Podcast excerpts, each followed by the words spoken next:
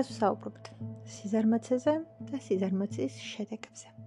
წინა თემის გაგრძელებაა და როგორც წინა თემაზე ვსაუბრობდი, როდესაც ხარ პირველ კურსელი და როდესაც პირველად შეაბიჯებ უნივერსიტეტში და ამ სივრცეში 1000 მოლოდინით იმედით სავსე და როდესაც ფიქრობ და გონია რომ აი ამ ადგილმა შენი ცხოვრება უნდა შეცვალოს, უნდა მოგცეს ძალიან ბევრი შესაძლებლობა, ძალიან ბევრი მ კარგი ვარიანტი ცხოვრებაში და შენი ცხოვრება გახადოს ბევრად ფერადი, უკეთესი. აა შეიძინო ცოდნა, ისწავლო ძალიან კარგად. შემდეგ ისევ კარგი სამსახური, კონდეს კარგი ანაზღაურება და შემოსავალი და მოკლედ კარგად მოიწყო შენი ცხოვრება. მოკლედ მიდიხარ მთელი ამ ოცნებებით. რამდენად სრულდება ეს ოცნებები? ან რამდენად უწყობ შენ თავად ხელს იმას, რომ ეს ოცნებები აისრულო, ეს უკვე მეორე თემა და მეორე საკითხია. როდესაც მუდმივად ზარმაცობ, მუდმივად საქმის გადადებ და გადადებ და გადადებ, აა შესაბამისად რაღაცებიც გადაიდება შენ ცხოვრებაში. გადაიდება ძალიან დიდხანს, ან უვადოდ არ ვიცი. და აა ჩემი აზრით, ყველაზე ყველაზე სევდიანი მომენტი არის ის, როდესაც ბოლოს ამთავრებ უნივერსიტეტს. აღმოაჩენ რომ შენმა კურსელმა, რომელიღაც კურსელმა ძალიან კარგი სამსახური იშოვა, ძალიან კარგად არის.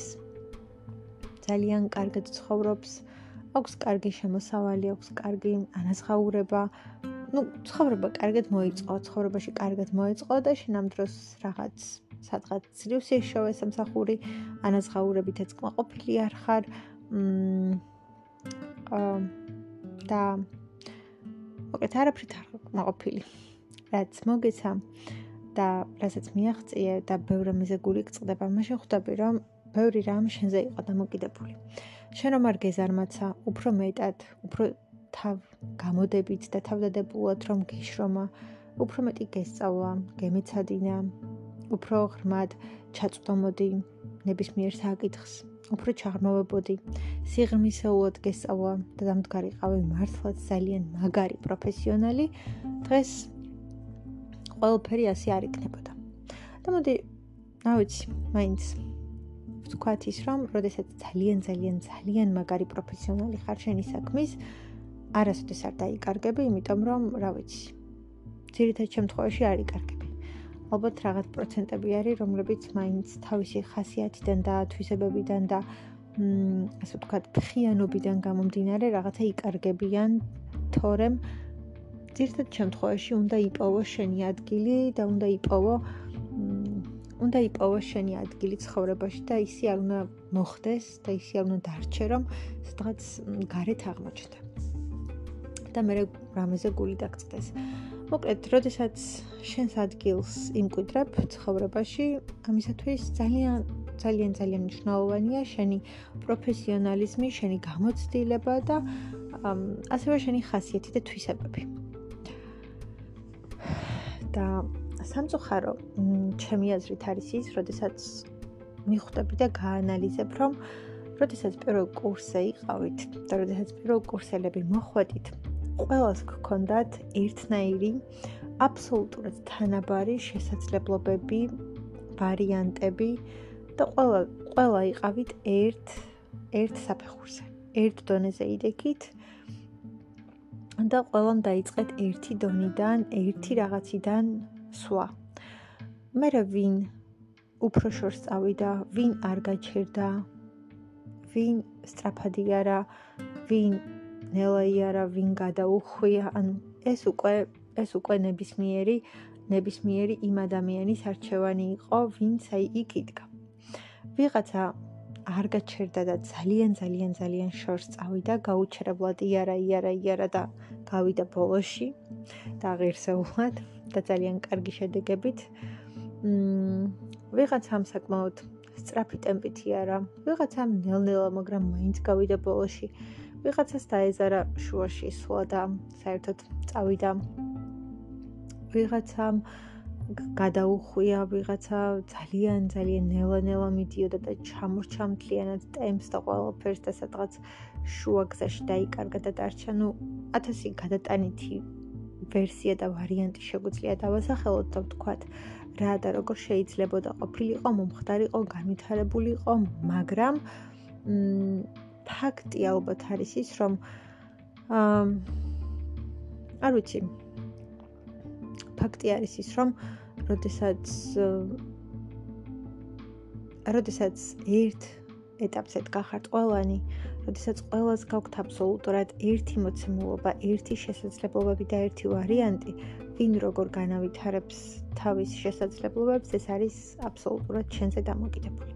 ეს არ ეხება მხოლოდ უნივერსიტეტს და ეს არ ნიშნავს იმას, რომ მხოლოდ უნივერსიტეტი გვაძლევს შესაძლებლობებს. შეიძლება სამსახურში მიიღონ ხუთი ახალი კადრი და ამ ხუთიდან ვინ როგორ დაიმკვიდრებს თავს, ვინ როგორ გამოაჩენს თავის თავს, თავის შესაძლებლობებს, თავის ნიჩსა და უნარს, თავის ცოდნასა და პროფესიონალიზმს, ეს არის მათზე დამოკიდებული და შემდეგ ვინ როგორ დაიმკვიდრებს თავს. ვიღაც შეიძლება ორ დღეში წამოვიდეს უკან, იმიტომ რომ რაღაც, არ ვიცი, და ვიღაცა არ დანებდეს და ბოლომდე, რა ვიცი, ძალიან დიდი მიღწევები კონდეს და შედეგები. ნებისმიერი რამ ალბათ ასე არის ცხოვრებაში. აა უბრალოდ ის მომენტი, რომ სადღაც ხვდები, რომ ყველანი ერთსა და იმავე წერტილში იდექით, ყველას ერთნაირი მოცემულობა და შესაძლებლობები გქონდათ და ვიღაცამ ის ყველაფერი გამოიყენა, ყველა შესაძლებლობა გამოიყენა, ყველა შესაძლებლობა და ყველა ვარიანტი განავითარა და შენ ეს ყველაფერი არ გააკეთე. მე რა უბრალოდ გული გწდება, იმიტომ რომ მე რე უკვე გახარ შედეგებთან და მე რე უყურებ შედეგებს. და ხვდები რომ აი რაღაც საწყის წერტილში მართლაც ყველანი იყავით საერთოდ ერთ დონეზე, ერთ ეტაპზე და აი იმ წუთას ვერ წარმოიდგენდი რომ აი ვიღაცა მაგალითად ძალიან შორს წავიდოდა და მაგალითად ჩენ დაიკარგებოდი. იმ წუთას ამას ვერ ვიფიქრებდი, იმიტომ რომ ყველა იყავით თანაბარი, ყველა იყავით თანასწორი, ყველა იდექით აბსოლუტურად ერთსა და იმავე ადგილას, ერთსა და იმავე მოცემულობაში, ერთი და იგივე შესაძლებლობებით და ვარიანტით. უბრალოდ შემდეგ უკვე იყო ის ვინ რას როგორ გააკეთებდა, გამოიყენებდა, ვინ როგორ იმოქმედებდა და ვინ როგორ ტაქტიკას შეიმუშავებდა, ასე ვთქვათ და ვინ როგორ რას რანაირად და რატომ გააკეთებდა და როგორ განავითარებდა მთელ თავის შესაძლებლობებსაც და გზასაც და თავის უნარებს და საერთოდ რას იზამდა ცხოვრებაში. და ხვდები იმას, რომ ეს ყველაფერი იყო დამოკიდებული აა შენზე და იმაზე მართლა რას და როგორ იზამდი, რას და როგორ გადაწყვეტდი, რას და როგორ აირჩევდი და ალბათ ის რომ შენ არ გამოიყენე შესაძლებლობები და ყველა შესაძლებლობა, ყველა ვარიანტი ეს იყო შენზე დამოკიდებული და იმაზე რომ რაღაცები დაგეზარა, რაღაცებში დაგეზარა შრომა, რაღაცებში დაგეზარა უფრო მეტის კეთება, რაღაცაში დაგეზარა წვალება, მაგრამ ვიღაცას არ დაეზარა და იმას ვისაც არ დაეზარა, შეიძლება ბოლოში ძალიან ბევრსაც მიაღწია. და შენ რომ დაგეზარა, შენ დარჩი გაღიმებული სადღაც. შეიძლება ძალიან უხეში მაგალითებია, ან ძალიან სწორხაზოვანი იყოს ეს მსჯელობა, მაგრამ ნებისმიერ ამის მგონია რომ მოერგება. ანუ ეს არ ნიშნავს იმას, რომ მაინც და მაინც ყველა უნივერსიტეტი უნდა დაამთავროს, რომ ძალიან დიდი შესაძლებლობები ჰქონდეს ცხოვრებაში და რაღაცას მიაღწიოს. უბრალოდ მაგალითი არის იმის საჩვენებლად, რომ როდესაც ყველანი გახართ ერთსა და იმავე მომენტში და წერტილზე, მე უკვე ვინ როგორ ივლის, როგორ განავითარებს და რას და როგორ გამოიყენებს, ამაზე არის დამოკიდებული და ვინც არ გამოიყენებს, მე გული წდება. ყველა იმ მოცემულობას და ყველა იმ შესაძლებლობას საერთოდ რაც ქონდა და ყველა იმ ვარიანტს რაც შეიძლებოდა რომ გამოიყენებინა და რომელიც არ გამოიყენა და რომელიც უბრალოდ ხელიდან გაუშვა და რაღაცები დაეზარა იმ წუთას ერთია გართობა, იმ წუთას ერთია დროის გაყვანა, იმ წუთას ერთია უბრალოდ, არ ვიცი, თავის ნებაზე ყოფნა, თავის სურვილებს აყოლა და ზედმეტი წვალება და ზედმეტი რაღაცა უბრალოდ დაეზარა. აქ უბრალოდ სიზარმაცის უფრო ის თიმაგალითები მინდოდა და ასევე ძალიან გავრცელებული რაც არის და ყოველას გაგვიგონია ვიცით და ჩვენ გარშემო იქნება ერთი ადამიანი მაინც ალბათ ასეთი აა როდესაც სკოლაში, უნივერსიტეტში, რა ვიცი, სადაც გინდა აა ადამიანი, რომელსაც ასევე შეეძლო რა ისწავლა ინგლისური, მაგალითად, დაეზარა და არის სწავლა და არ იშრომა და არ ჩადო მთელი თავისი ენერგია და რაღაც, იმიტომ რომ სწავლების პროცესი არც ისე მარტივი არ არის, საკმაოდ დიდ დროს, ენერგიას, ძალისხმევას, ნებისყოფას, დაჯდომას, შრომას, მეცადინეობას და ძალიან ბევრ რაღაცას მოითხოვს, ესე უბრალოდ არ მოდის და პირდაპირ ესე არ ვიცით. ძალიან ბევრი შრომა სჭირდება, ძალიან ბევრი მონდომებაც უნდა, ძალიან ბევრი რამ უნდა, მოკლედ. ძალიან ბევრი რამ სჭირდება ის რომ კარგი აა კარგი აა კარგი განათლება მიიღო და კარგად ისწავლო რაღაც, კარგად დაეუფლო და ზეღმსეულად იცოდე და ფლობდა. და ვიღაცა ვისაც არ დაეზარა და ძალიან მაგრად ისწავლა, საბოლოოდ რა? ის ადამიანები, რომლებიც ინგლისური არ ისწავლეს, ის ადამიანები, ვინც ინგლისური არ იცის ძალიან კარგად, საბოლოოდ რა ხდება? ძალიან ნანობენ. ძალიან გული წდებათ. აა სოსინანულით იხსენებენ და ამბობენ, რომ აი რატო არ გავაკეთე, რატო არ ვისწავლე, ნეტა მესწავლა. ეხლა როგორ მჭirdება, ეხლა როგორ გამომადგებოდა და 1000 რაღაცაში გჭirdება დღევანდელ ცხოვრებაში ინგლისური. ნებისმიერი ინფორმაციის მოძებნა, მოძიება, მონახვა, წაკითხვა, სანდო ინფორმაციის გაგება, მიღება ფაქტობრივად ინგლისურ ენაზე არის. ამ სამსახურში ძალიან გჭირდება იმიტომ რომ თითქმის ყველა სამსახურში ყოველას ყოველთვის სჭირდებათ და უფრო მეტი შესაძლებლობები, უფრო მეტი პერსპექტივა, უფრო მეტი რაღაც გაქვს ხოვრებაში და საერთოდ სამსახურეობრივად თუნდაც, სადაც ინგლისური იცი, განსაკუთრებით ისეთ სფეროში თუ ხარ, სადაც საჭირო არის. აა თუნდაც უფრო უფრო მეტი განათლება რომ მიიღო მე მაგალითად მაგისტრატურა უცხოეთში, დოქტორანტურა უცხოეთში, რაღაცა უცხოეთში, გაცვლითი პროგრამებით წახვიდა უცხოეთში თუნდაც, როდესაც სტუდენტი ხარ. ვინ წავა? ვინც ინგლისური კარგად იცის ხომ? თუ არ იცის საერთოდ ენა, ძალიან გაგიჭირდება რომ ეს შესაძლებლობა გამოიყენო და წახვიდე. აა ტურისტი, როგორც ტურისტი, სადმე წახვედი? რახაც გინდა რომ ნახო და მოვკიდებლობ ვერ წახვალ თუ უცხო ენა არის, იმიტომ რომ გაგიჭირდება, იმიტომ რომ ვერ გაიგებ, იმიტომ რომ სადღაც აუცილებლად გაიჭედები, იმიტომ რომ ძალიან რთული იქნება. იმიტომ რომ ძალიან რთული იქნება შენთვის იქ ყოფნა, იქ კომუნიკაცია ადამიანებთან, რაღაცების გაგება. მოკლედ, 1000 რამ არის, რის გამოც გჭირდება ენა. ფილმების ყურება. არ ვიცი. ძალიან ბევრი რამ არის, მაგრამ აქ მნიშვნელოვანი არის ის, რომ ის ვისაც დაეზარა და არ გააკეთა და ისწავლა საბოლოოდ ნანობს. ნანობს რას? ზუსტად იმ სიზარმაცეს და იმ გაუთვალისწინებლობას და იმას, რომ შორს არ გაიხედა. და ესეც მნიშვნელოვანია, რომ მე რო დღეს მეზარება მხოლოდ დღევანდელ მომენტს არ ვუყურებდე, რომ ეხა დღეს მეზარება და დღეს მაგალითად დავწობი და მოდი დავიძინებ და ამას არ გავაკეთებ. ამას არ წავიკითხავ, იმას არ ვიზამ და მოდი დავიძინებ რა, იმიტომ რომ ვიძელი რა კარგია, მაგრამ სამაგეროდ ძილი რას მოგცემს? ნუ ხო, კარგი, უფრო დასვენებული იქნები, უფრო გამოძინებული იქნები, უფრო რაღაც, მაგრამ საბოლოოდ საბოლოოდ არაფერი იმის გარდა რომ რაღაცები დაკარგე და გამოტოვე შენ ცხოვრებაში. მაგის გარდა ალბათ არაფერი არ იქნება საერთოდ. აა იმის გარდა რომ რაღაცები გამოტოვე და იმის გარდა რომ აა რაღაცებზე უარი თქვი. და ეს განსაკუთრებით ჩორ პერსპექტივაში. აა რაღაცას როდესაც არაკეთებ და გეზარება, ფიქრობ რა აი ეხლა უბრალოდ მეზარება, მაგრამ აი დაზარებას და დაზარებებს ხანგრძლივ ხანგრძლივობაში მ წლების შემდეგ და რაღაც გარკვეული პერიოდის შემდეგ და დროის შემდეგ აქვს თავისი შედეგი. და ნუ ეს შედეგი რეალურად რეალურად რა არის ხოლმე გულის წვეტა, სინანული და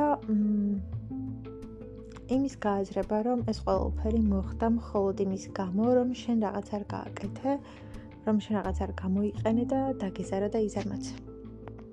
და ნუ რო საბოლოოდ ეს ყველაფერი არის შენი სიზარმაცის შედეგი. და მეტი არაფრის. ანუ ერთადერთი რაც არის, ასე ვთქვათ, დამნაშავე და არის ბრალიც არის და თუ შეიძლება რომ ბრალი იყოს, ეს არის იმის ბრალი, რომ ის არ მაცე.